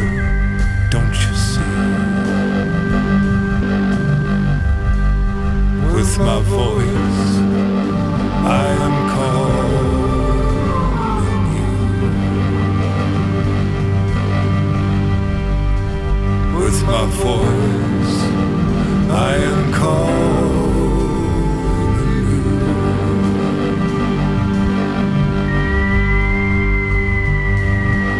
Let us sit together until the moment comes. With my voice, I am calling you. Nick Cave met Jesus Alone. Het komt uit zijn eh, CD Skeleton Tree. Wat hij gemaakt heeft uh, na het verlies van zijn 15-jarige zoon uh, Arthur. Die vorige zomer van een cliff in Brighton viel na een experiment met LSD. Arthur was de helft van een tweeling. Vorige vrijdag speelde Nick Cave een uh, verbluffend concert in het Sportpaleis in Antwerpen en kan mij inbeelden wie erbij was dat dit nummer nu uh, te horen op de radio een bijzonder gevoel moet meegeven. Dirk de Wachter, jij bent fan van uh, Nick Cave, maar vrijdag is het niet gelukt om te gaan maar kijken. Nee, ik had al heel lang een lezing beloofd die ik niet meer kon afzeggen in het kader van de Week van de Geestelijke Gezondheidszorg. Dus de plicht riep. Maar je hebt je kinderen erop uitgestuurd. Mijn, ja, mijn dochter en mijn zoon waren daar en vonden het ook grandioos. Mm. Kijk, ja, een mens kan niet alles meemaken, maar en wat vonden ze er zo bijzonder aan? Ja, wel de sfeer. Het blijkt, de, de, de, man creëert een soort hypnotische sfeer. Natuurlijk kan, kan in, in, in heel die zaal iets creëren, een soort samenhorigheid ook, die heel bijzonder is. En dan met die duisternis van zijn eigen persoonlijke verlies, dat is wel heel speciaal. Ja. ja. Dat heeft wel, het, is heel, het klinkt bijna cynisch, hè, maar het, het geeft een zeer grote meerwaarde aan de authenticiteit van zijn werk. Die, die, die miserie die je dan kan ja, sublimeren, artistiek plaatsgevende. Dat is natuurlijk wat, wat kunstenaars ook kunnen doen. Dat is hun eigen verschrikking betekenis geven voor anderen. Hè. AFTH van der Heijden heeft een boek over het verlies van zijn zoon geschreven, dat ook heel beklijvend is. Zo. Dus een, een mens doet wat hij kan. Uh, uh, ja. De kreet van Cave vrijdagavond was rouw met mij rouw mee met mij. Ja, het is zijn manier om, om ook steun te zoeken, zeker, en te vinden en mensen in, in die erkenning te raken. Natuurlijk, dit soort van werk heeft hij al altijd gedaan. Hè. Hij heeft altijd al rouwig uh, gezongen. Hè. Dat is, maar als het zo concreet dichtbij komt ja. met het verlies van een kind. Ja. Uh, een kind verliezen is de toekomst verliezen. Hè. Oh, dat is de rest dan een mens kan voor hebben. Hè. Dat denk ik wel. Dat gaat ook nooit over. Dat is... Uh, ja, dat is vreselijk. En dan kunnen samen zijn, dat op een of andere manier kunnen, kunnen dragen met anderen. Dat is heel raar, maar dat is ook heel mooi. Hè? Dat is heel... Ik ken natuurlijk vanuit mijn beroep heel veel mensen die daar mee te maken gehad hebben en die soms ook wil zeggen dat hen dat heel veel mooi gebracht heeft. Ook hoe raar het Je wenst dat niemand toe. Het is verschrikkelijk natuurlijk. Hè? Maar als je daar dan kunt, dat je dat kunt overstijgen en daar iets mee doen, geeft dat het leven soms ook nog, nog meer betekenis op een of andere manier. Hoe raar ook. Ja. Ik wil jullie het verhaal laten horen van uh, Koen, mijn verre buurman die uh, samen met zijn gezin deze zomer uh, dat noodlot uh, heeft moeten ervaren. ik laat zijn verhaal horen. Wij zijn um, deze vakantie, op, op, een heel idyllische vakantie in Costa Rica, ons, um, ons kindje verloren, ons jongste kindje van acht jaar, in, in relatief dramatische omstandigheden, door een ongeluk met een, een jacuzzi. Wij terugkwamen van, van op reis en vanuit de luchthaven, was ons, uh, ons huis, we kwamen toe, stond, stond vol met bloemen. En dat was heel confronterend, heel emotioneel. Maar toch zijn we er achteraf dankbaar voor. En, en, en, het feit dat zoveel mensen, zoveel buren, zoveel vrienden zich hebben ingespannen voor ons, gaf iets hartverwarmend. En ook een andere zaak is dat ze de, de mensen eten kwamen brengen. En, en het, het, comfort dat dat, dat, dat eten en, en, en, dan ook brengt en die troost en, en het feit dat, dat de buurman dan natuurlijk mee binnenkomt om mee een tas soep te eten, is inderdaad hartverwarmend. Dat zijn denk ik dingen en, en rituelen die we vandaag uh, een beetje kwijt zijn geraakt. maar waarvan ik vandaag met, uh, toch kan zeggen dat, dat, het, het waardevolle rituelen zijn en, dat ik het iedereen maar kan aanraden als het in de, in naast omgeving gebeurt.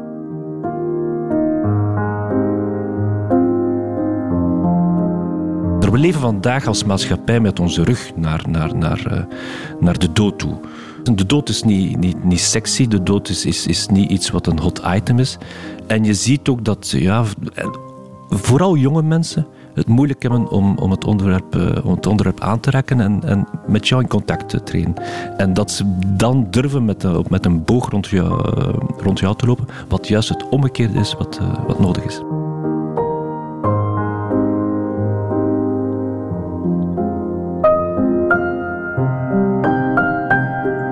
Er zijn geen positieve zaken dan een kind verliezen van acht jaar.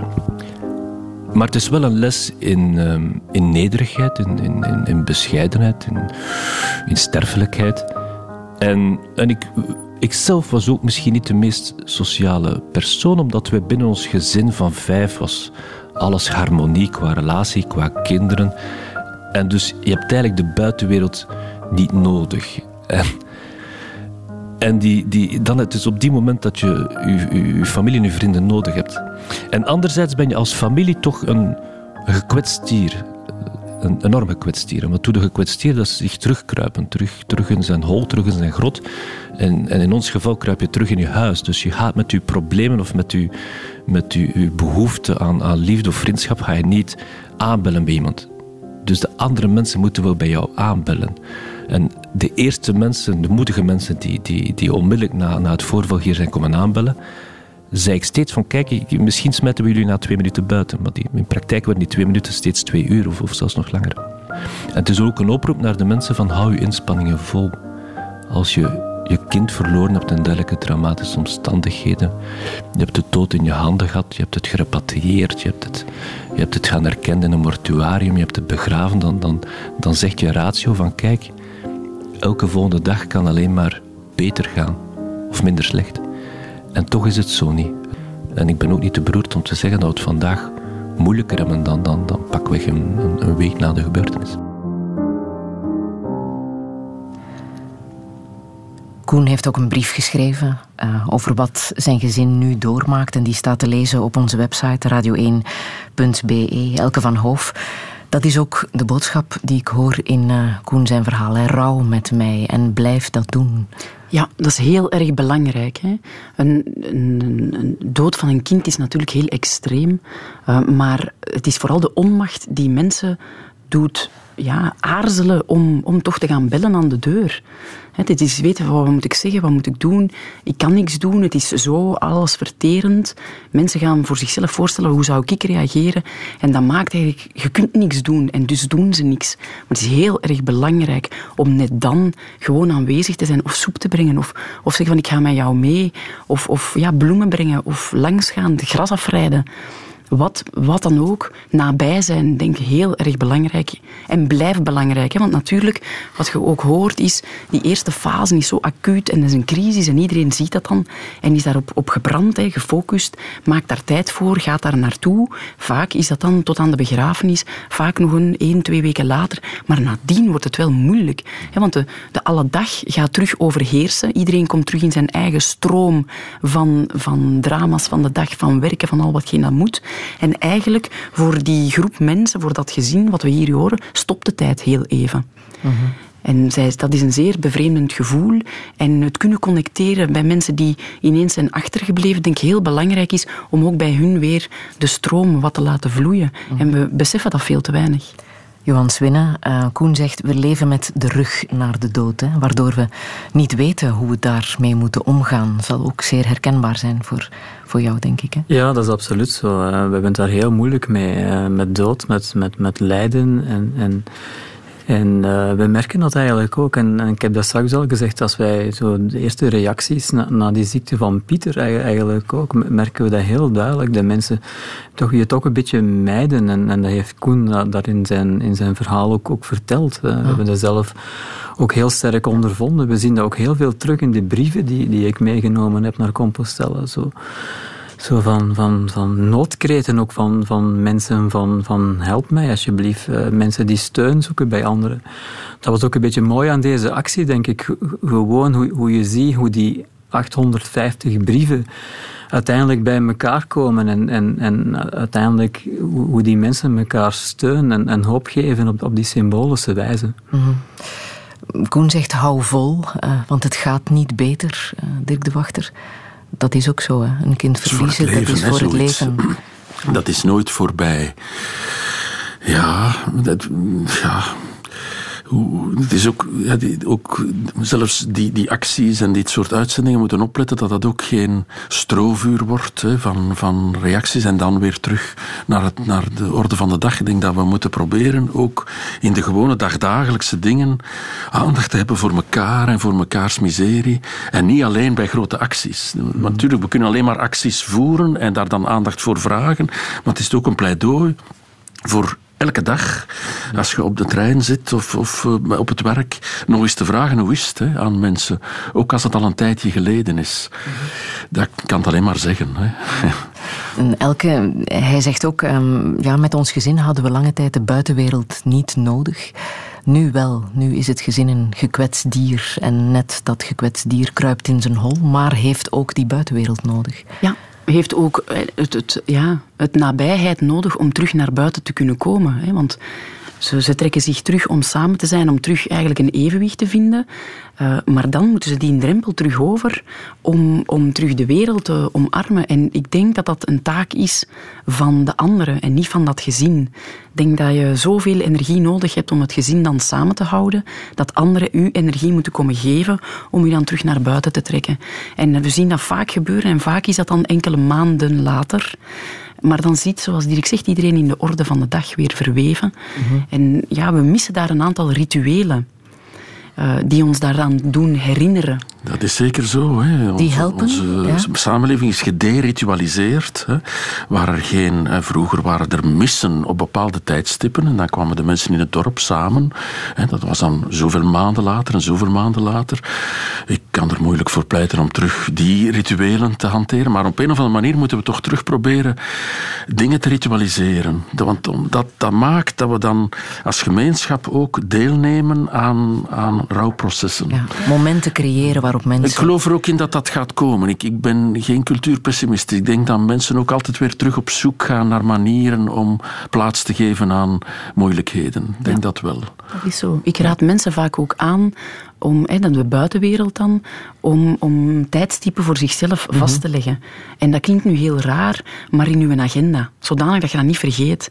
De moment waarop het gebeurt en dat het acuut aanwezig is in het leven van de ander, dat je momenten zet waarop je die familie terug gaat contacteren. Dat mag op Facebook, dat, dat mag op Facebook. En dat mag met een kaartje. Dat mag van mij zelfs dat je online een bloemetje bestelt dat dan door iemand anders wordt afgeleverd. Maar zo kan je langzaam maar zeker een nieuwe tijdslijn creëren voor dat gezin. Mhm. En dat zijn zaken die vaak als heel dankbaar worden beschouwd. Hè. Zoals je ook hoort in de getuigenis, op het moment zelf denk je, ja, ik ga je misschien binnen twee minuten buiten zetten, want ik kan het niet hebben. Mhm. Maar we moeten die visjes blijven gooien. Mhm. En hoe kan je bij zo'n dramatisch verlies toch nog kracht putten uit dingen? Als gezin bijvoorbeeld? Ik denk dat dat voor elk gezin anders is en ook wel afhangt van de situatie. Um, maar ik denk ook het, het kunnen uh, opnemen van de, de persoonlijkheid die de, de persoon was, die is verloren. Van zijn of haar dromen, zijn leuke activiteiten. Dat dan een eerste een opstap kan zijn om een stukje het levensverhaal van die persoon in het gezin te gaan zetten en daaraan te werken. Zodanig dat als het ware de betekenis, de taak, de rol van die verloren persoon, dat die wel een leven houdt in het gezin. Mhm. Leven met de herinnering? Leven met de herinnering of zelfs leven met uh, de les die dat drama heeft veroorzaakt en daar iets mee doen. Mm wat moeilijk is, hè? wat heel moeilijk is, hè? maar dan zitten we in het proces, wat dat Dirk ook afgelopen uur ook zei.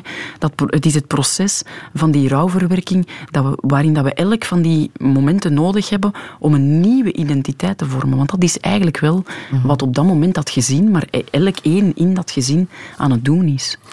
Is heel individueel ook. Hè. We moeten ook opletten, denk ik. Ik ben de grootste bewonderaar van Johan zijn actie.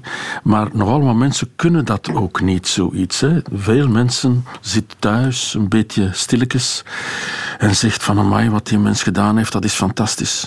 Maar ik kan dat niet. Ik denk dat het heel belangrijk is om ook gewone mensen die, die maar wat zitten te zitten, te erkennen in hun kleine engagementen. Er gewoon zijn en een beetje zitten en een gedicht voorlezen of een muziekje opzetten of eh, ik weet niet wat. Hè. Uh, het hoeft niet altijd zo'n grootheid te zijn. Ik denk dat dat ook belangrijk is. Hè.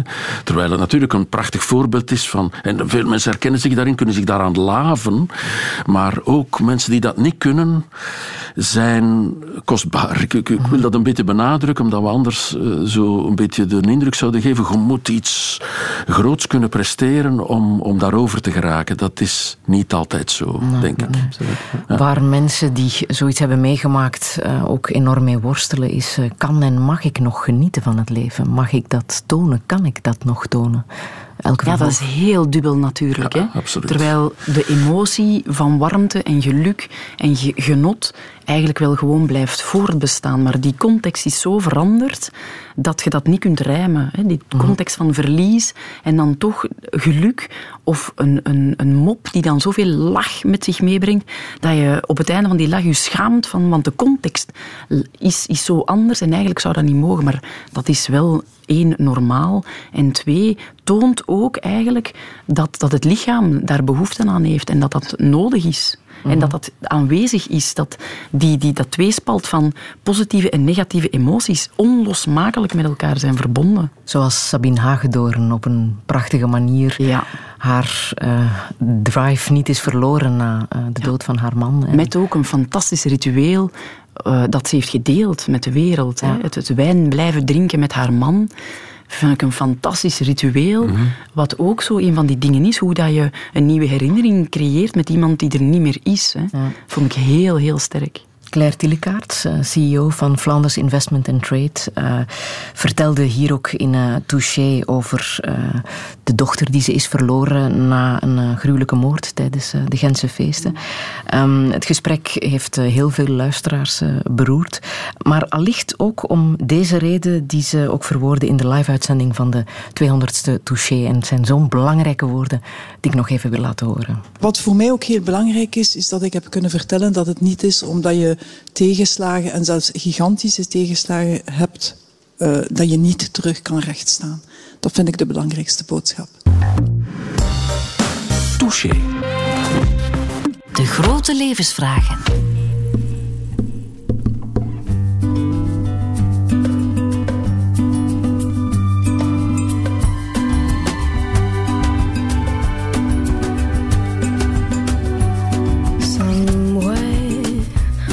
Over the rainbow, way up high. There's a land that I've heard of once in a lullaby. Somewhere over the rainbow sky.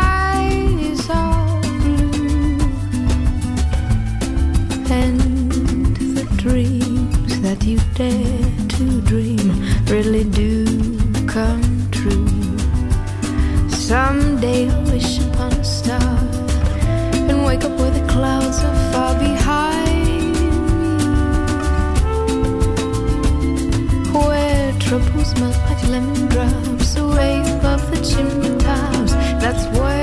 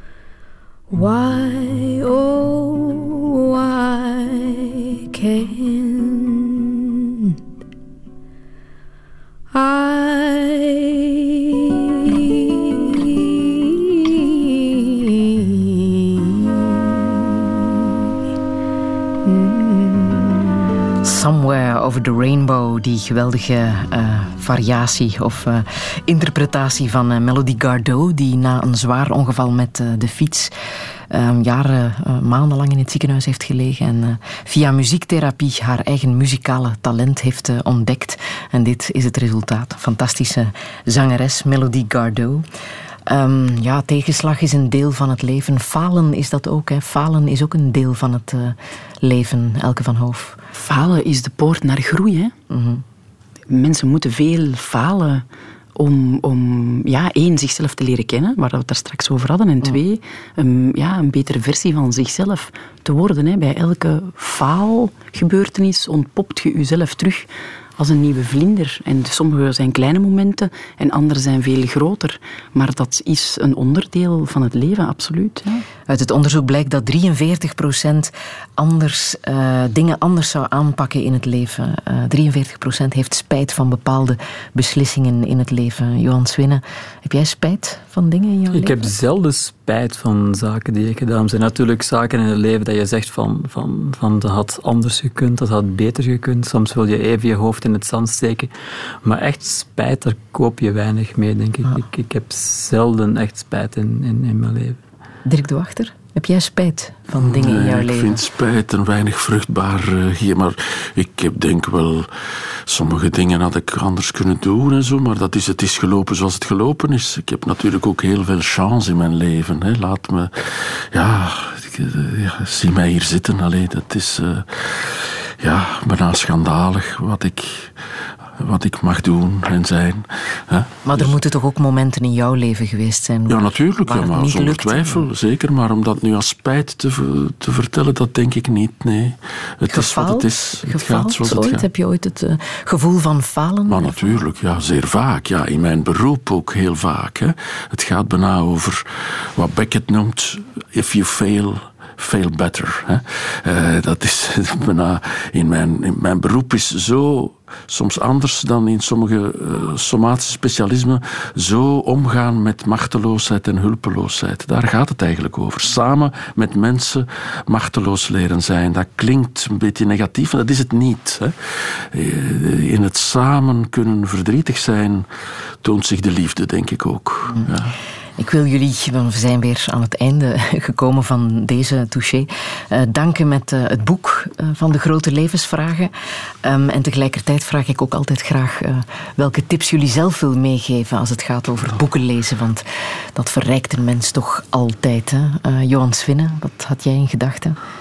Ik heb nog altijd een boekje dat mij is bijgebleven dat ik ooit gelezen heb als ik heel jong was. eh, The Old Man and the Sea. Blijf ik een heel schitterend verhaal vinden. Ernest Hemingway. Van Ernest Hemingway. Oude man in de zee. Ja, waarom precies? zee. Ja, het is zo'n man van ou- oude Cubaanse visser die al 84 dagen lang geen succes meer heeft gehad, geen vis meer gevangen en, en echt ervoor blijft gaan.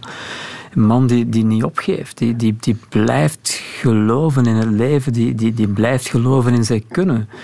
En uiteindelijk de, de 85ste dag dan toch een hele grote vis aan de haak heeft. En, en, en een beetje tragisch verhaal toch wel, om, omdat die, die vis die krijgt hij heel moeilijk binnengehaald en uiteindelijk wordt hij helemaal opgegeten door de haaien en hij komt dan uiteindelijk aan met het karkas van die, van die vis. Ik vind dat toch een heel mooi beeld. Ik vind dat het verhaal er altijd is bijgebleven zo ja, iets heel iconisch van, van iemand die er echt voor blijft gaan en niet opgeeft. Dirk de Wachter, eh, je bent ook een groot lezer, hè? Wat ja, hier ik kan heel tippen? veel boeken eh, vermelden die mij geïnspireerd hebben. Maar Grief is a thing with feathers. Verdriet is een ding met veren, is in in verband met deze uitzending wel een aanraad. Max Porter, dat is een boek, dat boekje dat ik onlangs gelezen Dat gaat over rouw en vooral het, het perspectief van de kinderen. Dus hun mama is gestorven en hoe die kinderen daarmee omgaan, dat is wonderlijk geschreven. Ik vind het heel mooi gedaan. Het is een beetje, er is wat kritiek op dat boek dat het een beetje emo-achtig zou zijn, maar ik vind het een heel mooi boek. Ik vind het heel goed gedaan. Zelf nog iets uitgeleerd als psychiater Ah, al die ja, maar ik leer Ja? elke dag. Natuurlijk wel, ja. Het zou heel raar zijn om te zeggen van ik heb het nu gezien. Nee, nee, ook mijn zijn is een worden. Wees gerust. Wat heb je er dan nog uit eh, opgepikt? Ja, hoe... eh, eh, Wat, wat, wat dat ze dus ook gezegd is, hoe humor en lachen ook een rol spelen in diep, diep verdriet. Dat is heel raar. Hè? Hoe die kinderen zotte toeren uithalen. En dat is ook zo in mijn consultatie, hoe, hoe al dat verdriet en die miserie en die depressie, hoe er ook vaak wel wat gelachen wordt in mijn consultatie. Men, men weet dat niet, maar echt waar. Niet met het probleem, maar ondanks het probleem of door het probleem. Er is, humor is iets heel eh, krachtig ook, iets heel noodzakelijk. Hè? Om te kunnen blijven lachen, ondanks allerlei dingen die, die het bestaan zo in de weg staan. Ja, Het zo- mag zo- en dat het staat er kan. goed Hè. in. Het, het Ja. gaat samen, hè. rouwen en, en toch nog genieten van het leven. Het Ja. eh, kan en mag samengaan. Elke van Hoof, eh, heb jij boekentips? Heb je daar tijd voor? Boekentips? Ehm, ik, ik zou daar tijd voor kunnen maken, maar ik zit in een fase van mijn leven, ondanks het feit dat ik een boekenwurm ben, dat ik ervoor kies om die tijd die ik dan maak eigenlijk volledig te besteden aan mijn kinderen en met hun een boekje te lezen of een gezelschapsspel te spelen of gewoon in de nof te zitten. Groot gelijk.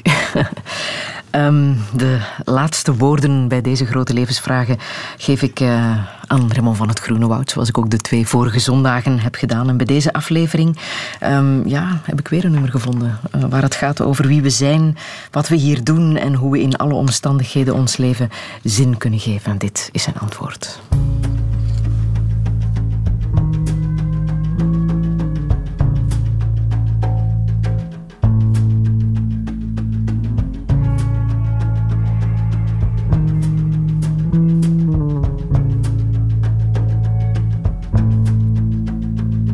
Mijn hoofd is alles heel eenvoudig. In mijn hoofd valt alles op zijn plaats. Geen verderf, geen loeiende reclame. Welkom, welkom in mijn hoofd. Er is tijd voor eender welke richting. Er is plaats voor eender welke stroof. Er is rust om alles te overschouwen. Het is prettig toeven in mijn hoofd. Overdag is er de verwarring. Overdag loopt het spoorvlug dood. Overdag wringt men zich in bochten.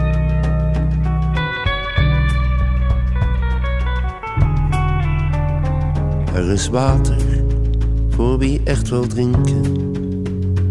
Er is werk, dat werd ons toch beloofd. Er zijn slogans voor wie ze wil geloven. Maar de kern zit in mijn hoofd.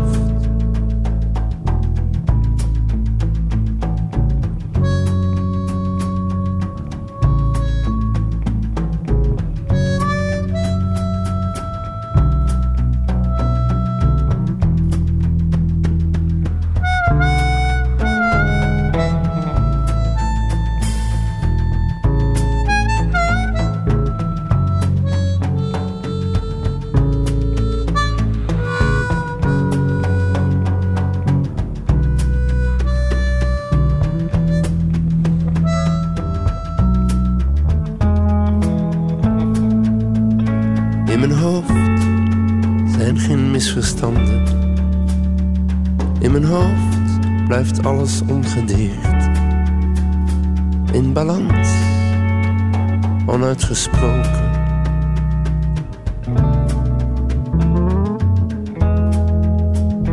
Naar het schijnt verdwijnen je gedachten. Tot het licht volledig is gedoofd. Maar zolang ik daar iets kan ontwaren, blijf ik dwalen in mijn hoofd. Ja, zolang ik daar iets kan ontwaren.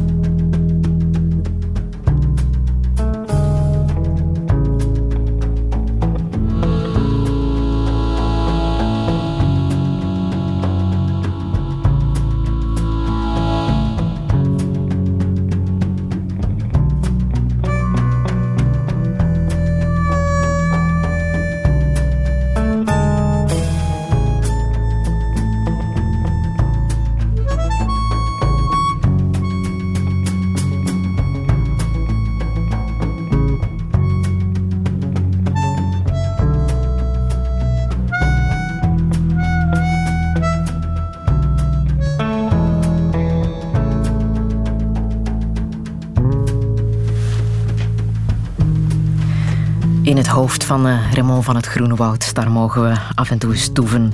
Ik wil jullie danken, uh, Dirk de Wachter, Elke van Hoof en Johan Swinnen, voor dit uh, zeer bijzondere gesprek. Alle info staat ook na te lezen op onze website, radio1.be. Daar vind je trouwens ook de speellijst van de theatertournee, De Grote Levensvragen. Donderdag zitten we daarmee in Beersen. En volgende zondag heb ik het hier in Touché met Bleri Lacey, Leen Dessine en Barbara Raas over religie. Ik hoop dat de gesprekken balsem zijn voor de ziel. Herbeluister de grote levensvragen in Touché via de podcast, de Radio 1-app en radio1.be. Radio 1